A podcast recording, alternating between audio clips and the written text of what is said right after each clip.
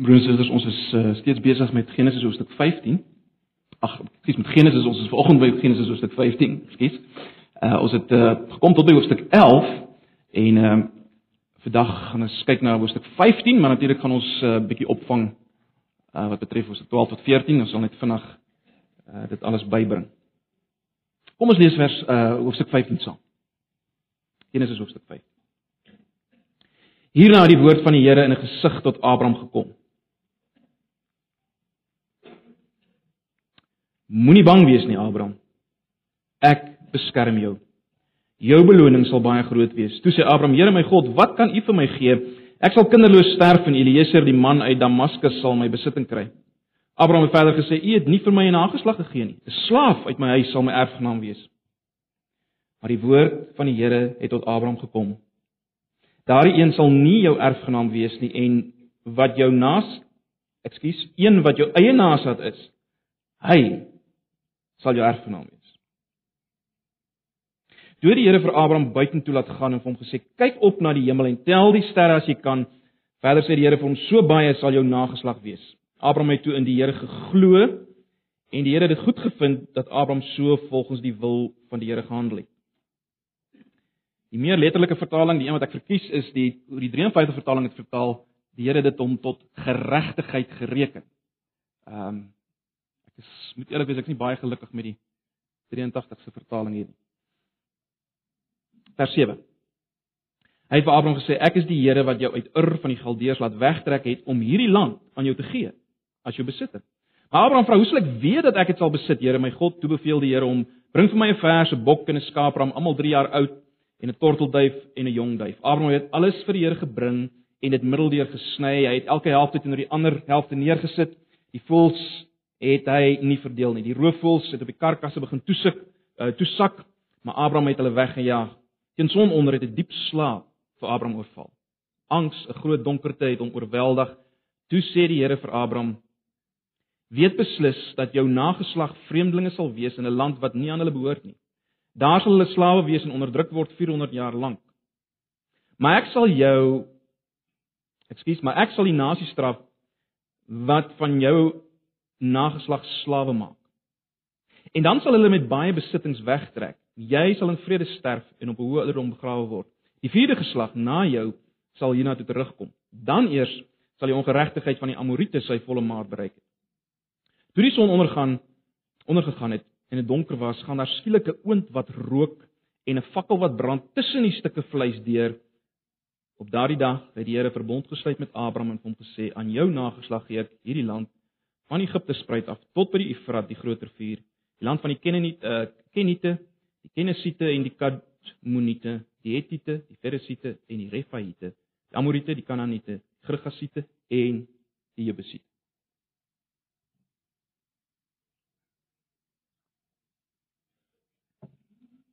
Ja broers en susters, kom ek herinner julle net dat ons het ehm um, verlede Sondag mekaar gesê dat selfs ons as gelowiges uh sit nog met wat ons genoem het die Babel-sindroom, né? Nee. Met ander woorde, ons sit met die probleem dat ons dink God is soos ons. So ons sit nog met daai probleem. Nou, vanoggend wil ek hê ons moet raak sien, ons sit ook met met 'n ander probleem. Ons en ek praat van kinders van die Here, gelowiges. Ons sit met 'n ander probleem en dit is vrees en ongeloof of as jy as jy dit so wil stel, bang wees en twyfel.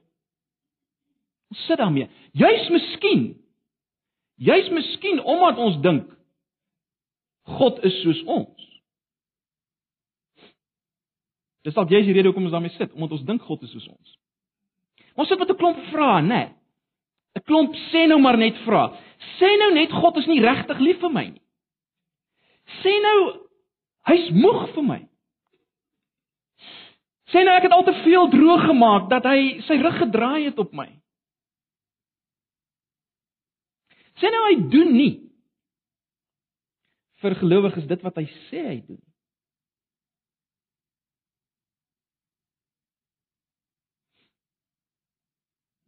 Sê nou daar is nie uiteindelike opstanding uit die dode in 'n in 'n lewe vir altyd in God se teenwoordigheid. Sê nou. Ek weet nie van julle nie, maar in een of ander vorm het ek al met al hierdie hierdie vrae geworstel. In een of ander vorm.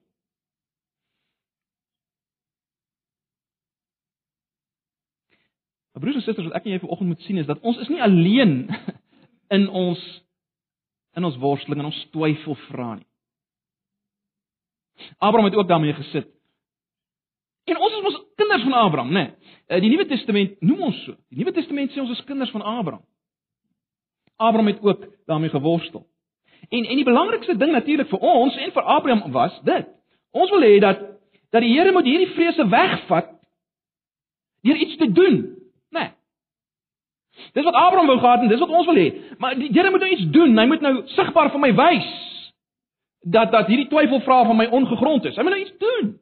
M -m Maak die beloftes waar. Dadelik. Ek wil hê ons elkeen moet vanoggend vir onsself hierdie vraag vra broers en susters, wat is vir my die belangrikste? En ja, ons mooi dink daaroor, hoor. Wat is vir my die belangrikste? 'n Verhouding met die Here, 'n daaglikse verhouding met die Here aan die een kant of dat hy al sy beloftes dadelik sal waarmaak. Met ander woorde, al die beloftes wat hy gee vir Christene, dat dit nou al tasbaar sigbaar in my lewe sal wees. Wat is vir die belangrikste? Goed, met dit in jou agterkop, kom ons begin beweeg na ons gedeelte. So kom ons gee 'n bietjie terugblik op hoofstuk 12 tot 14. Uh in Genesis 12 tot 14 is baie interessant om te sien hoe aan die een kant God se beloftes as te ware bedreig word, hoe God dit oorkom en hoe Abraham se geloof in dit alles begin groei. Maar baie belangrik, nie sonder tye van geweldige twyfel, ongeloof en ja, selfs sonde nie. Dis wat ons sien in hoofstuk 12 tot 14. So julle kan maar net julle so vinnig daaroor ek vertrou julle ken die gedeeltes min of meer, né? Nee. Uh julle sal onthou in hoofstuk 12, die eerste 3 verse het ons gesien hoe Abraham uh in antwoord op die roepstem van hierdie vreemde God los hy alles. Sy land, sy familie en hy gaan agter hierdie stem van die Here aan wat hom sê ek ek sal jou ek sal jou land wys. Hy gaan in die geloof en ons is beïndruk, né? Nee. Maar as mens aangaan na hoofstuk 12, Abraham is skaars in die land Kanaan, dan uh, dan het ons te maak met 'n hongersnood. Hongersnood. En uit vrees vlug Abraham na Egipte. Hy hy hy sonder enige woord van die Here se kant af gaan hy en hy vlug na Egipte toe. Nou ons wat uh, Abraham het waarskynlik nie op daai stadium besef nie. Ehm uh, maar ons wat nou bietjie 'n groter perspektief het en ons kyk terug besef maar eintlik op hierdie stadium is as God se belofte aan 'n land eintlik bedreig. Want Abraham is nou besig om te vlug Egipte toe. Ek bedoel God het ons weet dit nou. Op daai stadium het Abraham nog nie eens werklik geweet dis land Kanaan nie, né? Uh Abraham is op pad Egipte toe. En in Egipte wat sien ons? Wel, daar sien ons weer dat Abraham lieg oor sy vrou, oor Sarai. Sê hy sê dis nie sy suster. Nou eh, wat hier natuurlik gebeur is in 'n sekere sin word die belofte van 'n groot nageslag wat wat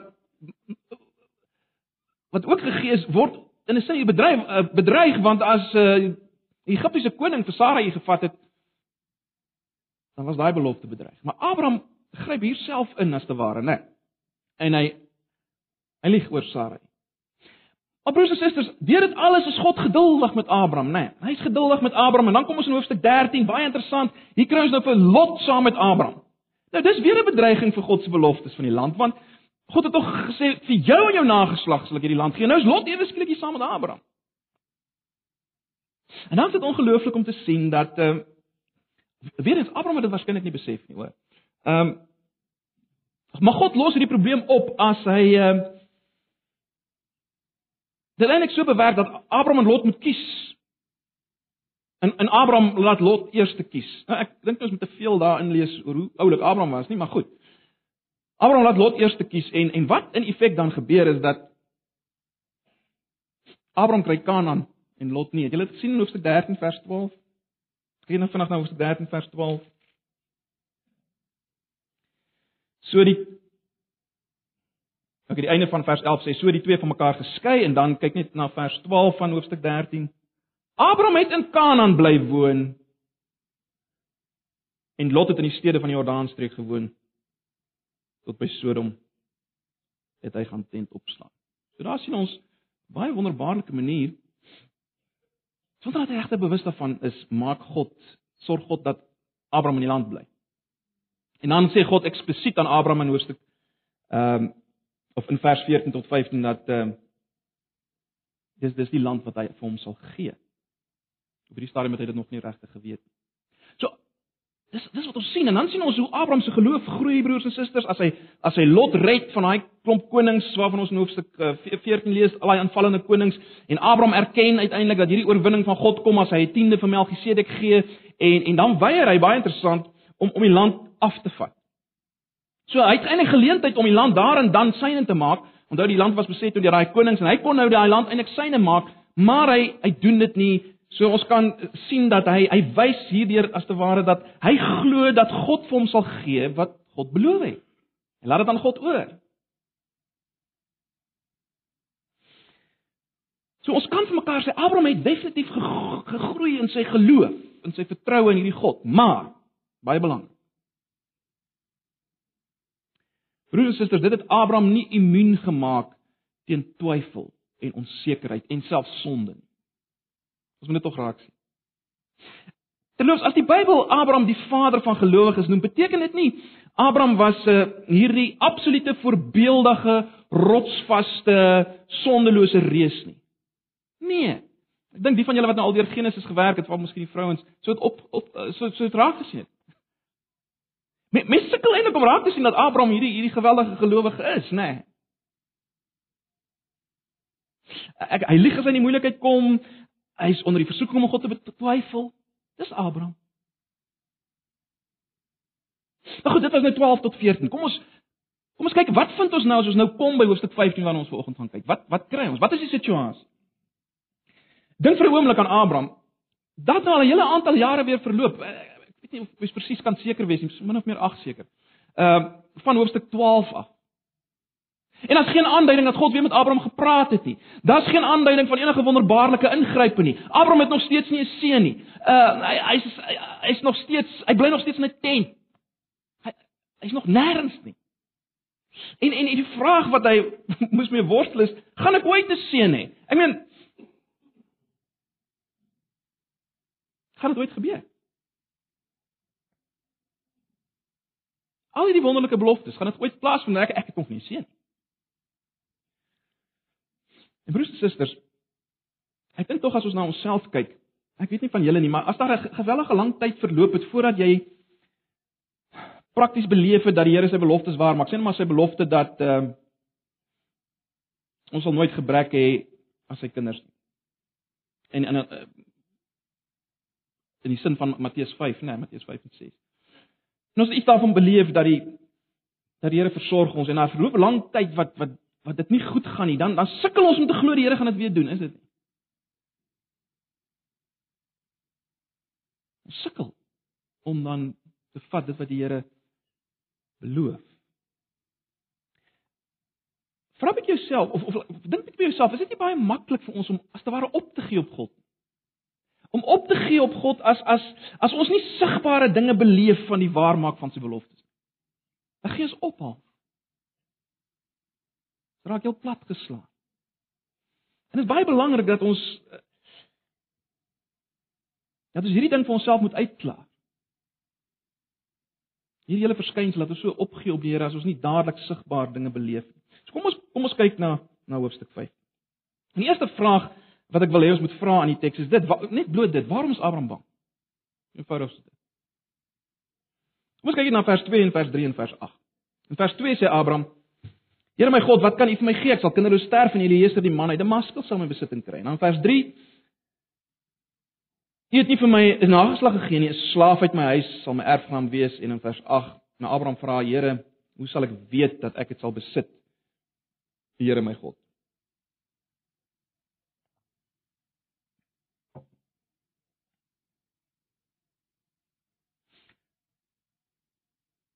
Abraham is bang. Bloot eenvoudig omrede broers en susters, hy nog nie 'n seun gehad het nie. Kyk, natuurlik het hy geweet alles kan nie nou al waar word nie. Al die beloftes van 'n geweldige groot nageslag soos die sterre aan die hemel. Hy hy is nie stupid nie. Hy het geweet dit gaan nie nou onmiddellik kan waar word nie. Maar jy sien as hy nie nou al 'n seun het nie, dan dan is dit mos nou onmoontlik dat daai latere beloftes gaan waar word. En daar's nou nog niks nie. Daar's nog niks nie. Sonder 'n kind, let wel, sonder 'n kind was daar geen rede vir hom om om te glo God gaan die res doen. Let op, al wat hy kan sien is Eliezer. Let op my woordspeling. Al wat hy kan sien is Eliezer. 'n Slaaf.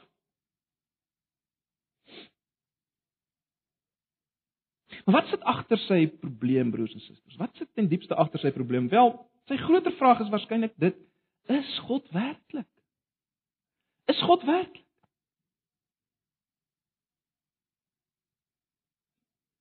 As hy as hy nie dadelik doen wat hy gesê het nie, wel kan hy dit dalk nie doen nie.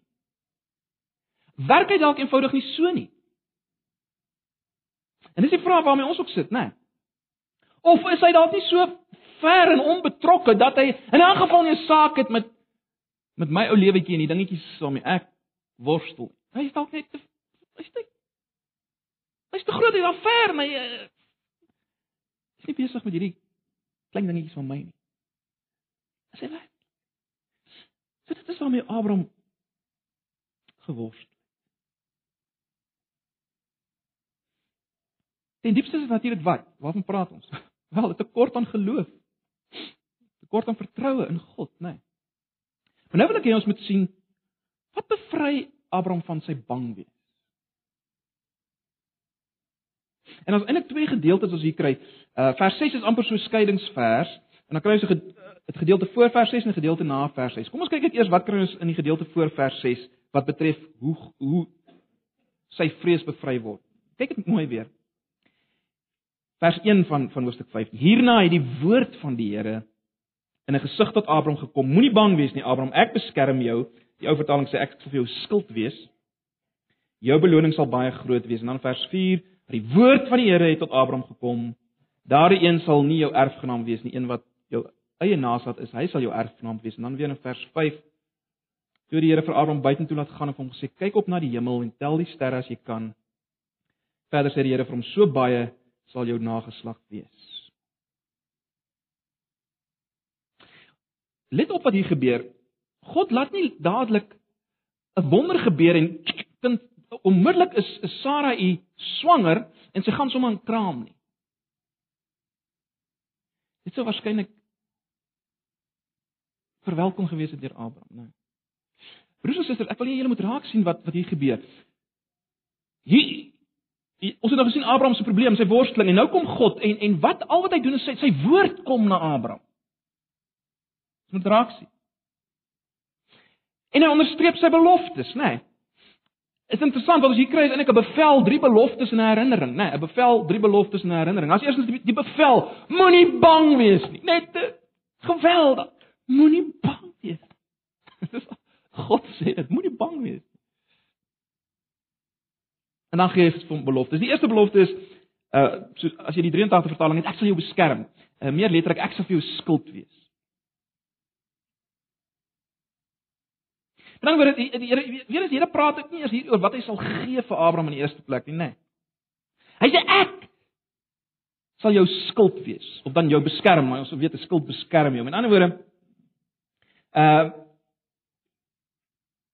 ek self my karakter wie ek is gaan jou beskerm vir my beloftes.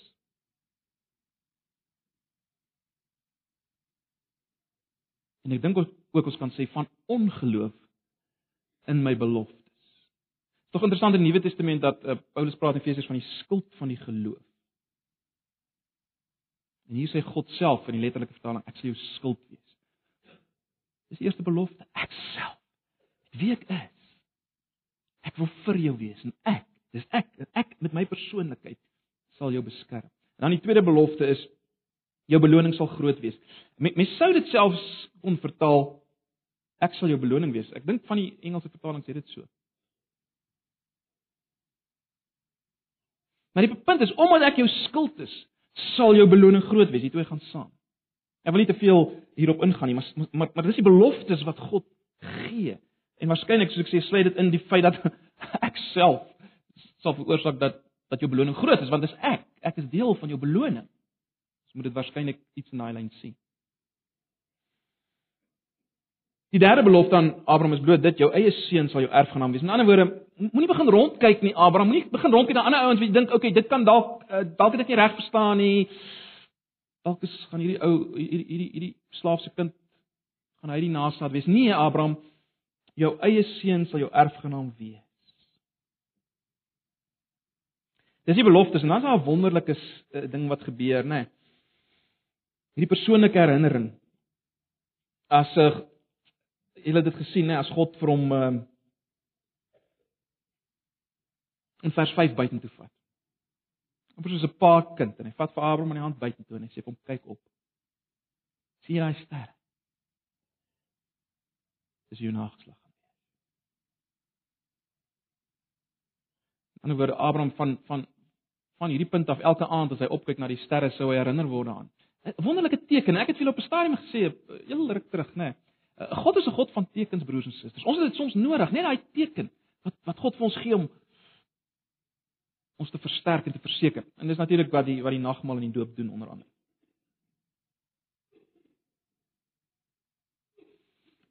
So dis hierdie drie beloftes wat hy gee en dan 'n herinnering en dan na vers 6 kom ons by 'n tweede groep dinge wat wat God doen om Abraham se probleem op te los. Kyk net na vers 7. Verder het hy dis vir die Here uh dit is wat die Here vir Abraham gesê: Ek is die Here wat jou uitgelei het uit Ur van die Galdeërs om jou hierdie land in besit te neem. Nou aanvanklik kan mense dink nou, okay, so what? Wat wat bedoel die Here nou daarmee? Maar is tog as jy mooi daaroor dink broers en susters, wat wat die Here eintlik hier sê is kyk Die hele rede waarom ek jou uitgelei het is om jou bring in die land en die beloftes waar te maak. In 'n ander woorde, jy kan terugkyk na jou uitlei en jy kan weet dis dis dis waaroor dit gaan. Daar's geen ander rede waarom ek dit gedoen het nie, Abraham. So dink terug. Ek het jou uitgelei. Sal ek dit gedoen? En dan dan in vers 9 tot 21. Gee God 'n ongelooflike prentjie van van die verhouding, die verbondsverhouding waarmee hy met Abraham wil staan, né? Vers 18 lees ons dat op daardie dag het God die verbond uh met Abraham ehm uh, gesluit. En dan is nou hierdie snaakse gebeure, né, van die die diere wat in in die helfte gesny word en uiteindelik die daardie brandende fakkel wat tussendeur beweeg en ons natuurlik weet nie lekker wat hier aangaan nie, maar uh wat hier gebeur het dit was iets wat ook uh, gedoen is in die kulture rondom Israel by verbondsluitinge. En eintlik wat jy daarmee sê is kyk ons gaan met ons gaan in 'n verbond in 'n ooreenkoms in 'n verhouding.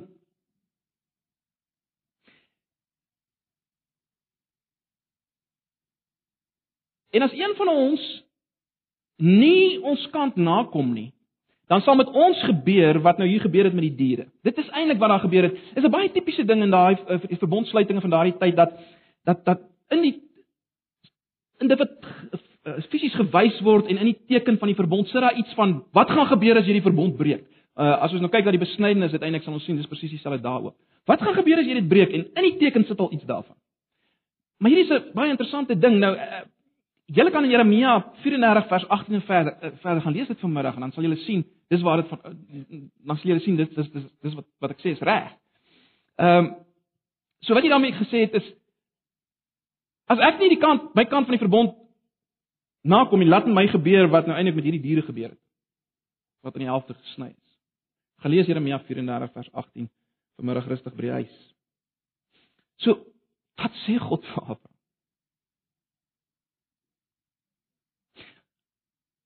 As God self in die vorm van daardie rokende fakkel as te ware deur beweeg tussen daardie diere wat gehalveer is, wat sê God?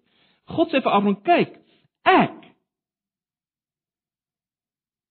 neem selfs jou verbreeking van die verbond. Jou nie nakoming. Ek neem die oordeel daarvan op my. Dis wat God sê as hy daardeur beweeg. Geweldig, is dit nie? Abraham, jy dra niks by nie. Jy dra eintlik niks by nie, Abraham. Ek doen dit. En weet jy wat? Ek sal selfs die oordeel vat van jou verbreeking daarvan. En broers en susters, uiteindelik, as ons kom op Golgotha, in die duister op Golgotha, dan dis wat daar gebeur. God self neem die die oordeel van van ons verbondsverbreeking op hom. Nou my sê vir Abraham hoe hy is en in hierdie verhouding Abraham tussen my en jou, ek neem die verantwoordelikheid totaal en al. En ek sal self die oordeel vat daarvan as jy nie as jy die verbond verbreek. Geweldig. Dit is 'n geweldige stuk evangelie wat vorentoe kyk hier. Iets anders wat ons be be uh, belangrik wat ons moet raak sien in verband met God se beloftes, broers en susters, is dit wat wat God sê vir Abraham in vers 16. En nou nou, Abraham was vol vrees geweest. Hoekom? Omdat God nie dadelik die beloftes waar gemaak het nie, né? Nee. Sien julle wat sê God vir hom vers 16? Hulle gaan vir 400 jaar slawe wees ja. 'n ander plek. Maar dan word hy landsbelofte. Vir 400 jaar. En niks van. Met ander woorde, God kom nie, dis wat ons moet raak sien. God kom nie en sê, "Goed, Abraham, uh in die vervolg sal daar nie vertraging wees in beloftes nie. Moenie worry nie. In die vervolg geen vertragings in beloftes nie. In die, my beloftes nie. Ek sal alles dadelik vir jou gee." Nee, God sê dit nie. Hy sê jy gaan vir 400 jaar slawe wees en in daai proses is ek besig met 'n baie groter plan. Ek is besig om die maat van die Amorite vol te maak. Dis God se manier van werk. Julle weet niks daarvan. Dis wat ek nog tussendeur gaan doen, maar Abraham punt is 400 jaar. So. Dis iets belangrik wat ons hier moet sien. Maar tog al is dit so. Al is dit nog 400 jaar, sê God die finale uitkoms is seker, né? Nee. Vers 18 se tweede gedeelte: Aan jou en jou nageslag gee ek hierdie land. Uh ek wil nou nie tegnies raak nie, maar eintlik in Hebreëus kom dit daarop neer dat ek het eintlik al klaar die land gegee, dit word nie perfek in gebruik. Ek het dit al gegee. En jy sien nog niks daarvan nie. Jy sien dit nog nie, maar ek het al die land gegee. Ag broers, broers en susters, as ons nou net terugkyk na na die manier hoe God ehm um, Abraham bevry, is daar 'n paar dinge wat ons moet raak vir onsself, né? Nee. Hoe neem God ons bangheid weg? Baie belangrik. Baie belangrik dat ons draak sien. Hoe neem God ons vrees weg, ons ongeloof weg? Wel, deur sy woord in eerste plek. Deur die woord self. Ons moet dit nie onderskat nie. Dis hoe God ons twyfel wegneem, nie deur vir ons fisies dinge te laat sigbaar word en waar word nie. Dis wat ons wil hê, maar dis nie wat hy doen nie. Ag as ons dit net sal vat, as ek dit net sal vat. Hy doen dit deur sy woord. En en 'n tweede ding wat hy doen is deur ons te laat terugdink aan ons eie roeping, né? Nee, dis wat wat wat uh, wat hy doen aan vers 7 as hy sê ek het jou uitgelei. Waarvoor anders sal ek jou uitgelei het? Broers en susters, dink aan jou eie roeping. Waarvoor het die Here aanvanklik sy hand op jou gelê? Vir wat? As in al die ander dinge sal waar maak. En dan sien Golgotha. Kyk, ons het nie die brandende fakkel wat ons na kan kyk nie, maar broers en susters, ons kan kyk na Golgotha, wat daar gebeur het. Weereens deur die woord. Onthou God se woord het as te ware sigbaar gekom na Abraham in daardie prentjie wat hy gee, né? Nee, dit is hoe God se woord Baie interessant. Dit is 'n hele onderwerp se eie, maar baie interessant. God se woord in die Ou Testament het ook al op sulke maniere gekom, sigbare maniere en uiteindelik as Jesus sy finale woord kom, dan is dit absoluut sigbaar. Maar ons het Golgotha om na te kyk. Wat moet ons leer uit die 400 jaar vertraging? Wel, ons moet leer broers en susters, God werk in ons lewens deur vertragings heen. Dis wat Abraham moes leer. Hy moes leer dat dat die verhouding met die Here, die pad wat hy nou gestap het, is eintlik belangriker as die waarmaak van die belofte. Hoor ons dit? Die pad wat hy gestap het, is eintlik belangriker as die onmiddellike kry van die belofte. As die vervulling self. Hoe het Abraham gereageer hierop? As kyk na vers 6, vers 6 soos ek sê, lê eintlik tussen hierdie twee dele en en en dit betrekking eintlik op al twee hierdie dele van God se openbaar. Wel, baie eenvoudig. Abraham het toe in die Here geglo. 83 vertaling sê en die Here het dit goed gevind dat Abraham volgens so volgens die wil van die Here gehandel het. Die meer letterlike vertaling en hy het in die Here geglo en hy het hom dit tot geregtigheid gereken. Maar kom ons kyk net eers na die, na wat Abraham doen. Baie interessant. Dat Abraham na dit alles reageer hy nie en hy sê hy sê nie vir die Here nou hier op hierdie punt, "Maar gee nou my kind nie of gee nou vir my 'n kind nie. Laat Sarai asseblief nou swanger word nie." Nee nee. Al wat staan is dit. En hy het in God geglo. Hy het geglo. Wat het hy presies geglo, broers en susters? Wel, hy het God op al wat hy gedoen het, hy het God op sy woord geneem. Hy kon nog niks sien nie, hoor. Hy kon nog niks sien nie, maar hy neem God op sy woord dat God alles wat hy gesê het in verband met 'n land en 'n nageslag sal waarmaak. Dis al. Hy vat God op sy woord. Hy kon hier, soos ek sê, nog nie sien dat hy gaan pa word met alles wat daaruit voortvloei. Hy kan dit nie sien. Kon dit nie sien. En hierin lê natuurlik geweldige lesse vir ons. Broers en susters, die beloftes van God in die woord. Wat kan ek en jy alleen daarmee doen? Wel, ons kan dit vat. En God wil hê ons moet dit vat. Ja, waarskynlik het Abraham hom ook self herinner aan aan wat hy reeds gesien het. Hy het hom daaraan herinner. Verseker. Maar nou op die oomblik kon hy ook niks sien nie, maar hy vat God op sy woord. En ek en jy moet dit doen en ons moet sien hoe al ons beproewinge maar net help om ons om, om meer raak te sien hoe God aan die werk is. Maar baie belangrik, waar glo ons ten diepste? Onthou nou, uiteindelik loop die belofte van Abraham aan Abraham uit op Jesus, die saad. Nou nou ek ek ek ek, ek dink nie ons moet sê dat Abraham het dit alles al gesien nie. Met ander woorde, Abraham het nie geweet hy glo hier in Jesus nie, hoor. Ek ek glo nie ons kan dit sê. Belangrik is wat ons moet sien is hy het God op sy woord geneem binne wat hy op hierdie stadium verstaan het. Vir ons sê dit natuurlik ons glo uiteindelik in die saad van Abraham, Jesus, in wie al God se beloftes ja en amen is. Ons spreek oor.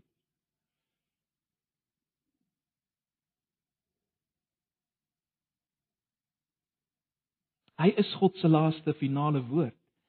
Dit is ten diepste wat ons moet glo broers en susters. Jesus Christus, dis God se finale woord. Dan is alles wat God vir ons wil sê in Jesus en wat hy doen en sê sy laaste woord, Hebreërs 1, né? Nee. En in hom het ons alles te midde van swaar kry en pyn en teenkante. In hom het ons reeds dit alles. Dis wat ek en jy moet glo. Vat. En dan interessant, wat gee God vir hom? Vers 6. En dis nou hier wat ek tog wil hê ons moet vashou aan die aan die meer letterlike vertaling van van die 53 vertaling. Wat gee God vir hom hier? Let op weer eens. God gee nie vir hom hier 'n kind nie. Wat gee God hier? As jy die 53 vertaling vat, wat gee God vir hom? Geregtigheid. Abraham het God geglo en God het dit tot geregtigheid gereken. So wat gee God hier? Hy gee vir Abraham geregtigheid. Wat beteken dit reg, regtig hier? Wel, hier beteken dit op hierdie punt beteken dit bloot dat God uh beskou Abraham nou as iemand wat in die regte verbondsverhouding met hom staan. Ek dink dis die eenvoudigste wat mense kan stel. Abraham glo in dit wat God sê en God beskou hom as iemand wat nou in die regte verbondsverhouding met hom staan. Nie omdat Abraham iets gedoen het nie, nie omdat Abraham beter gevaar het nou nie, nie omdat hy meer sukses nou gehad het in sy geloofslewe nie, omdat hy nou minder gesondig het vir 'n slag nie. Nee, omdat hy God op sy beloftes geneem het, verklaar God hom in die regte verhouding met homself. Hy sien hy sien Abraham so as iemand wat in die regte verbondsverhouding met hom staan bloot omdat hy God op sy woord geneem het. Terloops, as ons kyk na Romeine 4, dan sien ons Abraham was eintlik 'n goddelose op hierdie stadium. Broers en susters, hoe word ek en jy Of wat gee God vir ons? As ons glo in al die beloftes in Jesus. Wel God gee vir ons ook 'n regte verhouding met homself. Met ander woorde, hy sien ons as ons glo in ons werk ons vertrou op Jesus, dan sien hy ons as mense wat in die regte verhouding met hom staan. En hy verklaar ons so. Dis die hele boodskap van regverdigmaking deur die geloof. En en Romeine 4 wys vir ons dat in dit wat met Abraham gebeur, 'n soort van 'n parallel wat met ons gebeur, né? Nee. Maar is natuurlik baie dieper en breër, meer in ons geval. Maar broers en susters, dit is belangrik om te raak sien wat gee God vir ons ten diepste? Regte vir 'n regte verhouding met homself. Die die die lewe van geloof is ten diepste dit. Jy sien is hierdie regte verhouding met homself wat vir ons vreugde moet gee en berusting moet gee. Nie dit wat hy vir ons gee fisies en tasbaar nie. Hierdie regte verhouding met homself. Jy sien dit is juis hierdie regte verhouding met homself wat maak dat ons ten diepste nie hoef te vrees nie. Want ek is in verhouding met hierdie God waarvan ons nou in Genesis 1 en 2 al gesien het hoe hy is en wie hy is. En en dit alleen behoort ons op bangheid weg te neem? Nee. Ek is in verhouding met hierdie God self. Kom ek stel dit so. Hierdie vashou aan God in sigself. Hierdie lewe van geloof in in sigself is die Christelike lewe. Dis die Christelike lewe. Ag, as ons dit net sal vat. Dit is die Christelike lewe. Nie so seer in die eerste plek wat ons gaan kry van God nie. Ja, dis daar en staan vas.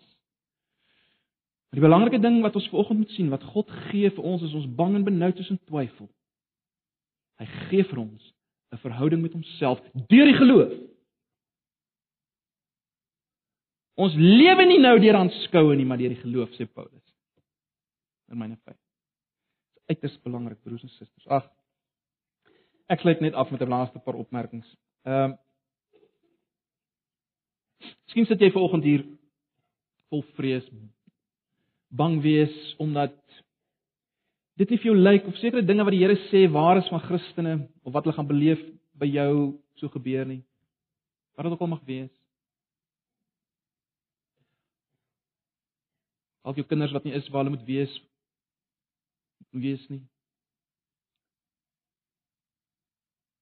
Dalk jou huwelik al finansiële probleme en jy kan hierdie dinge nie in lyn kry met met, met Christendom en God se beloftes nie wel.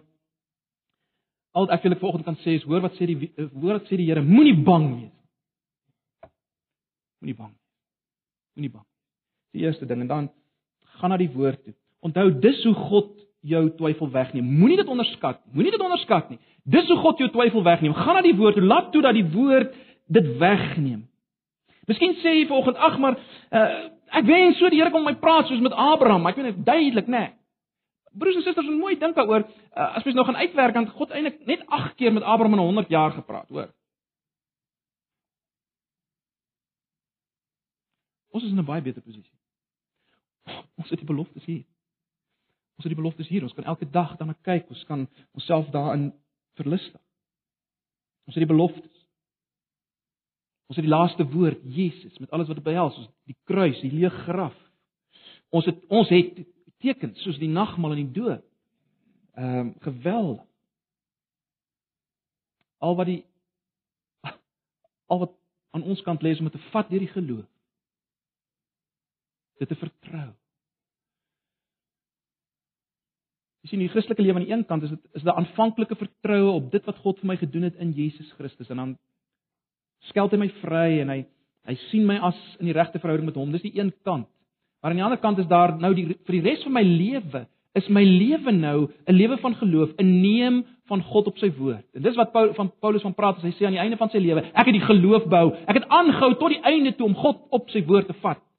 Dat hy is wie hy sê hy is tot die einde. Toe. Dis die lewe van geloof. So is die twee kante. Miskien as jy vanoggend nog by die eerste een, miskien as jy nou nog nie, nou nog nie in geloof omhels dit wat God vir jou sê hy het gedoen in Jesus Christus nie. Daarom is jou hele lewe nog vrees en beangstigheid. Allerhande dinge. Jy jy weet nog nie wat dit is om verhouding te wees met die Here nie. Kom volg. Werk jouself in geloof op. Doen dit. As jy reeds in verhouding met hom is, ag broers en susters, vat dit vanoggend. 'n lewe van vertroue op hom elke dag. Ag ons moenie haastig wees. God werk anders. In die tyd van selfone en iPads is dit baie moeilik, nê, nee, om om om so te dink, maar God werk stadig. En uiteindelik sal ons geloof oorgaan in aanskoue. Sal ons 'n nuwe stad bereik. Ek sluit af met Hebreërs 11. Miskien jy lees met die blaai. Ehm um, Ah, as ek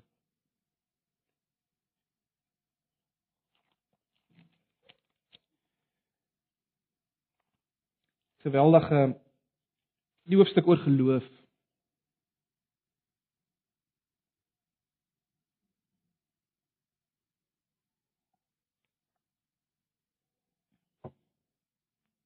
Kom ons luister net dan. Hebreërs vanaf 11 vanaf vers 8. Omdat Abraham geglo het, het hy gehoor gegee toe God hom geroep het om weg te trek na die plek toe wat hy as 'n erfdeel sou ontvang. Hy het weggetrek sonder om te weet waar hy sou uitkom.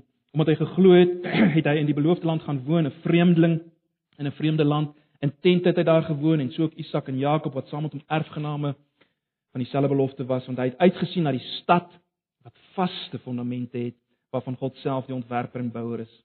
Omdat Abraham geglo het, het hy hoewel Sara onvrugbaar was en al en al te oud krag ontvang om 'n kind te verwerk verwek omdat hy God wat dit beloof het getrou geag het.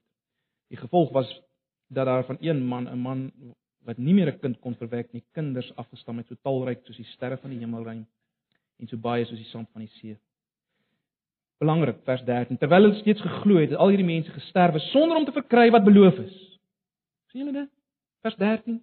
Terwyl hulle steeds terwyl hulle steeds geglo het, het al hierdie mense gesterwe sonder om te verkry wat beloof is, maar hulle het dit uit die verte gesien en daar daaroor gejuig en hulle het erken dat hulle hier op aarde slegs vreemdelinge en bywoners is. Mense wat so praat, gee daarmee duidelik te kenne dat hulle op soek is na 'n vaderland.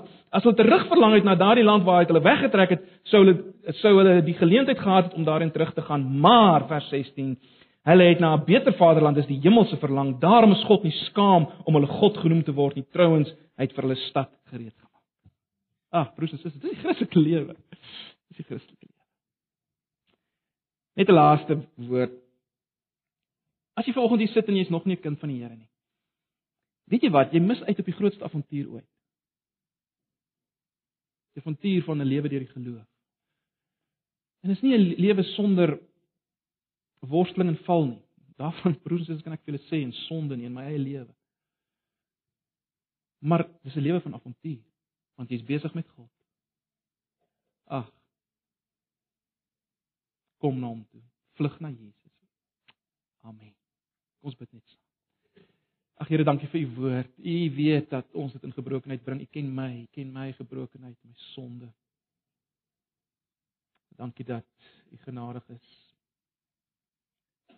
Dankie dat U vergewe. Dankie dat U U woord vir ons gee.